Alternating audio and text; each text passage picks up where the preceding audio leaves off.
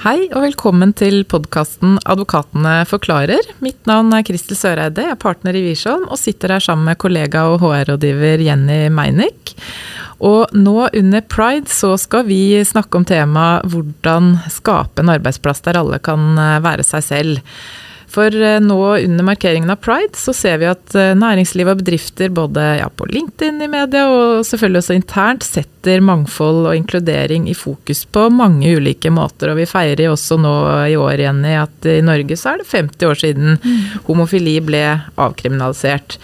Eh, og så snakket vi om at i år så har kanskje Pride-markeringen fått litt mer nyanser og dybde enn eh, før. Eh, det som vi kanskje føler er litt eh, nytt i år, er at vi har fått en mer nyansert debatt om det som kalles pink washing. Altså at vi flotter oss med regnbuelogoer uten at det kanskje egentlig stikker så dypt. Og det andre er kanskje at dette med mangfold og inkludering er noe det er mer bevissthet om at man plikter å jobbe målrettet med hele året, og ikke bare under eh, pride. Og det skal vi jo komme tilbake til, Jenny, men aller først. Du jobber jo nå i Wiersholm, men har en eh, doktorgrad i business management fra Harriet Watt universitetet, og du har forsket nettopp på eh, nå skal vi se om jeg klarer å si det riktig, LHBTQIA.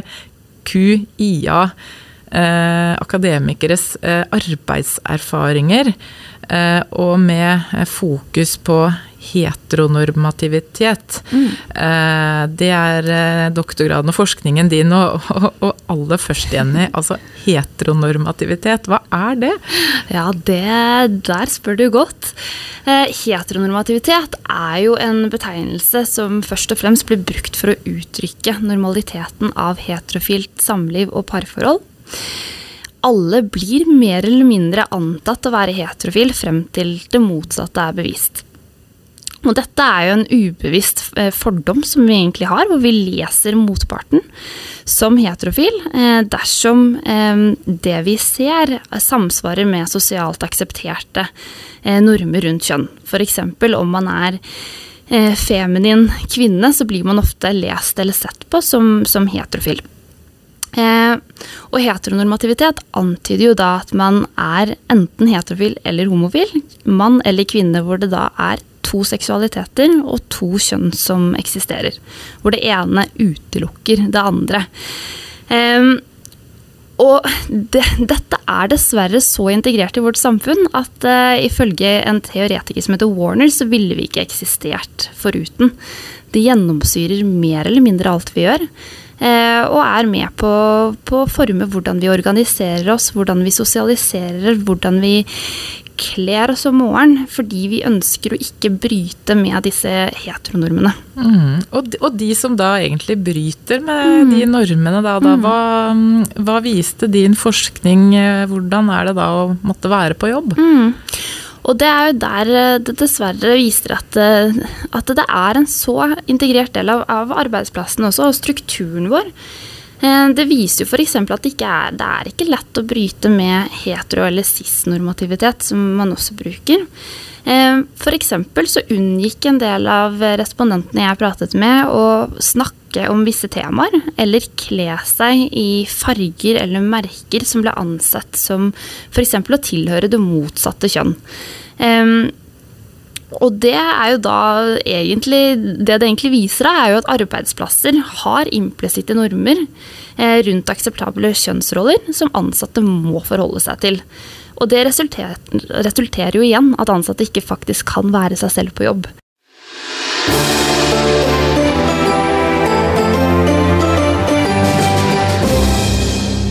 Men Kristel, hva sier egentlig lovverket om åpenhet og inkludering? Ja, altså jeg tenker at det det alle jo vet, er jo at i Norge og i mange andre land så har man strenge forbud mot diskriminering. Mm. Eh, og det omfatter selvfølgelig også ulovlig forskjellsbehandling pga. legning og kjønnsidentitet. Men det som jeg tenker er litt nytt, er bevisstheten og fokus på at eh, arbeidsgivere ikke bare skal forhindre diskriminering, eh, men man, skal, man, har også en lovbestemt plikt til å jobbe systematisk med mangfold og, og inkludering. Og det er jo faktisk noe litt annet og mer enn bare fravær av diskriminering. Og jeg tenker kanskje at det viktigste, altså de viktigste reglene å trekke fram her, det er at vi har Eh, det som kalles en aktivitetsplikt eh, for arbeidsgivere i likestillings- og diskrimineringsloven. Det er det første. Og det andre er at etter arbeidsmiljøloven så har jo alle arbeidsgivere en plikt til å ivareta eh, og sikre et godt psykososialt arbeidsmiljø for alle. Og det ligger noe av det du var inne på, dette at man føler at man, man er akseptert og inkludert på jobb. Og kan være seg selv. Og litt for å gå tilbake til denne aktivitetsplikten, eh, så handler jo det om at man faktisk etter loven har et ansvar for en plikt til å jobbe systematisk med å sikre reell likestilling, som jo handler om inkludering. Og det omfatter faktisk helt eksplisitt etter loven kjønn, seksuell orientering, kjønnsidentitet og kjønnsuttrykk. Så det er ganske, en ganske bred eh, definisjon av det. Og det betyr jo at man skal jobbe aktivt, målrettet og planmessig med mangfolds- og likestillingsarbeidet. Og ikke bare da under pride, men faktisk eh, eh hele året. Eh, og, og, her handler det jo mye om, ikke sant, å både iverksette konkrete tiltak, ha en plan, definere mål og, og, og ja, rett og slett jobbe etter en strategi. Og det som er litt interessant, er at eh, i, mm, i, denne aktivitetsplikten så har man egentlig en, laget en slags sånn arbeidsmetodikk som man som arbeidsgivere skal følge. Det er en slags firetrinnsmetode, sånn som vi kjenner det fra HMS-arbeidet, hvor man, man, skal kartlegge, analysere, sette inn tiltak og evaluere. Eh, og det er det man er pålagt å gjøre. Og så er det jo viktig å si at man er ikke gjennom eh, lovverket pålagt å gjøre bestemte ting. Eh, og det betyr at man har stor eh, fleksibilitet på hvilke tiltak, hva man skal gjøre i den enkelte bedriften. Det sier loven egentlig veldig lite eller ikke noe om. Men man må faktisk Man må likevel jobbe med dette. Så man kan selvfølgelig da tilpasse hva som passer for den enkelte virksomheten, og det er selvfølgelig veldig forskjellig. Så er det klart at det er jo egentlig ganske nytt at vi i så stor grad som nå da, snakker om eh, eh, inkludering og, og, mangfold av eh, skeive. Hva skal vi gjøre, hva er det som på en måte ikke fungerer? Eh, og her tenker jo jeg igjen at vi, vi som virksomheter, eh, bedriftene og arbeidsgiverne, trenger eh, mye mer kunnskap og erfaringsdeling. Dette er jo kanskje ikke så modent som kjønn og etnisitet som det er jobbet mer med. Mm. Eh, og hva, hva, kan man gjøre i praksis, Jenny? Mm. Eh, hva sier forskningen om det? Først og fremst så har jo arbeidsplasser eh, ulikt miljø og ulike utfordringer og behov. Og det å lage et inkluderende arbeidsmiljø er jo ikke noe som skjer over natten. I utgangspunktet burde vi nok eh, bygget organisasjonskulturen helt fra scratch, eh, da vi må bryte ned normer som har blitt bygget opp over tid, og som setter begrensninger for ikke-heterofile liv og kjønnsuttrykk. Eh, men som du har vært inne på, så må vi unngå pinkwashing, og sørge for at inkludering ikke bare er et buzzord, men en strategisk plan funn fra, fra, doktorgradsavhandlingen min viser jo at dagens tiltak for mangfold og inkludering dessverre ikke er inkluderende nok. Selv om flere bedrifter f.eks. For forteller at de er inkluderende arbeidsplasser, så ser vi at inkludering ofte er begrenset til det vi anser som, som normalen. Eh, altså ansatte som da ikke bryter med, med normen. Så i den forbindelse så er jo en av de tingene vi kan gjøre, er å tilegne oss kunnskap. Vi må være bevisste på ubevisste fordommer og tørre å utfordre oss selv og tankesettet vårt, som igjen gjør at vi kan ha en mer åpen dialog. Man skal kunne ta med hele seg på jobb og prate om livet sitt med de ordene man ønsker, og deretter bli møtt med forståelse og nysgjerrighet, og ikke med, med stillhet. Mm. Og det, det, du er inne på nå, Jenny, det handler jo veldig mye, sånn som jeg oppfatter det, om å jobbe med internkulturen. Mm. Og også hvordan vi snakker sammen og om hverandre. Mm. Eh, hvilke ord vi bruker. Mm. Uh, kan, du noen, kan, du gi noen, eksempler fra forskningen din mm. på hva som gjorde at dine respondenter, de du snakket med, da, mm. opplevde at de ikke følte seg inkludert på jobb? Mm. Og det var jo eh, blant annet, da, hvis jeg skal gå tilbake til kjønnsrollen, så var det jo veldig mange av de som identifiserte seg som eh, bifile og homofile akademikere. De, og menn spesielt, de følte at eh, at akademia hadde så satte kjønnsroller at de ikke ønsket å avvike fra normen. Eh, og det vil jo si at for eksempel så vi Var det en som mente at han gjorde maskulinitet så overbevisende at eh, kollegaer ble ganske altså, sjokkert da når han kom ut som en homofil mann. I tillegg så var det eh, en annen som sa det at, eh, at det å være bifil var en kjempeviktig del av privatlivet og hvem han var og hans identitet, men på jobb så følte ikke han at han kunne snakke om det i korridoren. Hvor han da sa at uh, han eh, brukte metoder som å snakke om rugby, eh, voldelige TV-show, og dessverre også rangere hvor attraktive studenter var, sammen med andre eh, da antatt heterofile kolleger av han, eh, for å ikke bli gjennomskuet som en ikke-heterofil mann.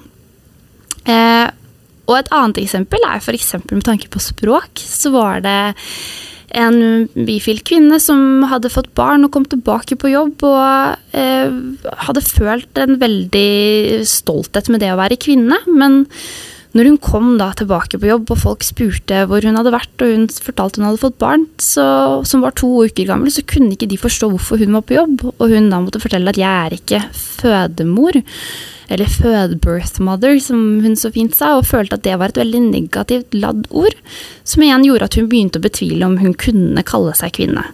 Og dette her er jo noen eksempler av, av flere, men det er jo noe med å med igjen å bruke, være bevisst på, på normer rundt kleskoder, som kan gjøre at, eh, at, man faktisk ikke tar med hele seg på jobb.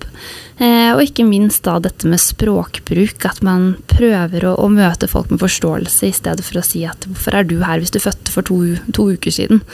Eh, det fins andre familiegrupperinger ja, enn en den heterofile formen. Og det høres ut som det, eh, det mm, her handler om litt andre ting enn altså Når det gjelder mm, kjønnsbalanse og mm, etnisitet, så har jo mange virksomheter jobbet mye med mer sånn strukturelle tiltak. Eh, og bl.a. veldig mye tiltak rundt rekruttering. Men eh, det du er inne på her, er kanskje litt en, et litt annet arbeid, mm. rett og slett? Mm. Jeg tror jo, som vi snakker om, at mye må starte fra innsiden før man egentlig kan gå ut mot rekruttering. For det er jo klart at altså, talent kommer hvis de ser at det er en, en inkluderende arbeidsplass. Folk prater. Jungeltelegrafen, som vi sier, er, er, kjempesterk og blir brukt av alle i form av å finne den rette arbeidsgiveren for seg. Så vi er nødt til å, å gå igjennom egentlig hvordan vi jobber på, fra A til Å, tror jeg, tror jeg, for å bli en fullt og helt inkluderende arbeidsplass. Så mm, helt til slutt, eh, Jenny. Eh, det er ditt eh, liksom, aller viktigste råd til arbeidsgivere. Da, hvor, hvor, skal man starte for å sørge for at de ansatte føler seg inkludert på jobb? Og du har egentlig vært inne på det, men hva vil du liksom oppsummere med? Jeg tror jeg vil gå tilbake til, eh, til, starten, hvor eh, jeg definerte heteronormativitet. Jeg vil egentlig oppfordre alle å ikke anta at alle ansatte er heterofile eller av samme legning eller orientering som en selv. Eh, det finnes et mangfold av seksuelle orienteringer og kjønnsuttrykk. Og jeg tror vi bare må møte mennesker med, med nysgjerrighet. Og, og, rett og slett ha en dialog. Da tror jeg vi, vi kan i Det er en god start, om ikke annet. Tusen takk, Jenny, og, og, takk for at du hørte på denne episoden av Advokatene forklarer. Husk å abonnere på podkasten for å få med deg kommende episoder. Vi høres.